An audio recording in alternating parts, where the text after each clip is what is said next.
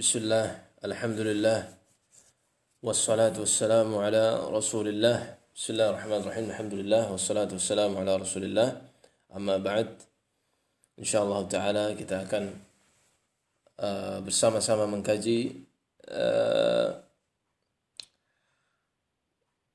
kitab Nihayatul Tadrib yang dikarang oleh Al-Amriti atau Al-Imriti ya penyebutannya bisa Amriti atau Imriti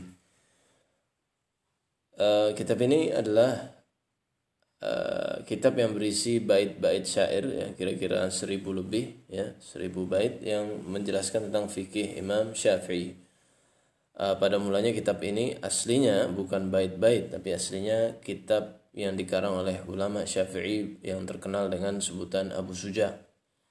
Ya, beliau punya karangan ya yang berjudul Al-Ghayah wa Taqrib namun lebih dikenal dengan matan Abu Suja. Ya, sering dikaji-kaji di pengajian pesantren dan sebagainya ya. Kadang di pesantren juga dikaji uh, kitab yang menjelaskan Al-Ghayah wa Taqrib ini yaitu Fathul Qarib dan sebagainya. Uh, oleh Emriti agar lebih lebih mudah dihafal Abu Suja ini. Dan juga ada masalah-masalah yang mungkin belum disebutkan Abu Suja maka dibuatlah uh, kitab Abu Suja tersebut dibuat uh, yang tadinya hanya perkataan bahasa Arab yang biasa menjadi sebuah bait-bait yang mudah dihafal. Ya insya Allah kita mungkin ya, tiap hari satu atau dua bait ya atau mungkin tiga tergantung uh, masalah atau materi yang dibawakan. Uh, mungkin kita mulai dari kitab Taharah atau kitab bersuci ya. Uh, disebutkan oleh Al-Imriti menyebut dalam baitnya ini laha miyahun sab'atun wahyal matar wal ma'u min bahrin wa bi'rin wa nahar. Ya laha miyahun sab'atun wahyal matar wal ma'u min bahrin wa bi'rin wa nahar. Laha miyahun? Laha atau untuk bersuci ya. Atau dibolehkan bersuci. Atau uh, beberapa yang bisa dipakai untuk bersuci. Miyahun ya air-air. Sab'atun ada tujuh. Wahyal matar ya. Laha miyahun sab'atun wahyal matar. Yang pertama air hujan. Wal ma'u min bahrin wa bi'rin wa nahar. Wal ma dan air min bahrin dari uh, laut ya. Atau uh, apa namanya? Uh, tempat uh, apa namanya air yang sangat besar gitu laut dan sebagainya. Wa bi'rin sumur wa nahrin dan sungai. Ya, jadi di sini uh, Eh, Syekh Al-Imriti sedang menjelaskan air apa saja sih yang bisa kita gunakan untuk bersuci ya air-air yang di dunia ini ya kan ada tujuh ya tadi di bait pertama baru disebutkan empat yaitu air hujan air eh, laut lalu air sumur dan air sungai min ainin wasalji wa barad thumma al-miyah arba'un aidan tu'ad Kadzaka min ainin ya. Selanjutnya beliau lanjutkan di bait berikutnya. Begitu pula min ainin dari mata air. Wasalj ya, salj ini mungkin uh, es mungkin ya atau uh, apa namanya? atau salju Allah wabar wabarat.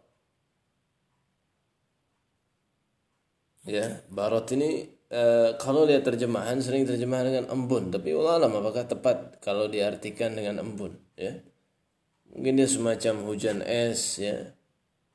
Allah tapi yang jelas uh, dia bisa digunakan baik embun atau hujan es bisa digunakan untuk bersuci seperti berwudu dan sebagainya. Sumal miyahu arbaun aidan tu'ad. Lalu selanjutnya al miyah atau air arba empat aidan tu'ad yaitu empat uh, dihitung uh, menjadi empat atau dibagi menjadi empat ya uh, jadi maksudnya uh, setelah menyebutkan yang tujuh tadi beliau menyebutkan bahwa air di dunia ini berdasarkan bisa atau tidaknya dipakai bersuci itu dibagi menjadi empat. Sedangkan yang pertama tadi hanya menyebutkan macam-macam air yang boleh dipakai berwudu. Sehingga e, dari dua bait ini ya bahwa pada asalnya bersuci itu menggunakan air-air yang masih disebut air yang masih murni sebagaimana Allah ciptakan. Yang sebagaimana apa? Allah ciptakan seperti air laut, air ya dari sumur atau air hujan dan sebagainya selama dia masih air dan belum terjadi perubahan maka dia masih boleh dipakai bersuci ya baik bersuci itu yaitu aktivitas untuk mengangkat hadas ya seperti hadas besar ya yang kita hilangkan dengan mandi ya atau hadas kecil ya yang kita hilangkan dengan berwudu. Ataupun membersihkan najis dan sebagainya itu menggunakan tujuh air ini atau air yang lain yang selama dia masih disebut air ya. Sedangkan jika terjadi perubahan apalagi perubahan yang sampai merubah namanya menjadi kopi menjadi teh maka ini tidak boleh dipakai. Nah, selanjutnya tadi sempat uh, disinggung ya dalam setengah baris atau setengah bait bahwa air itu ada empat ada empat macam.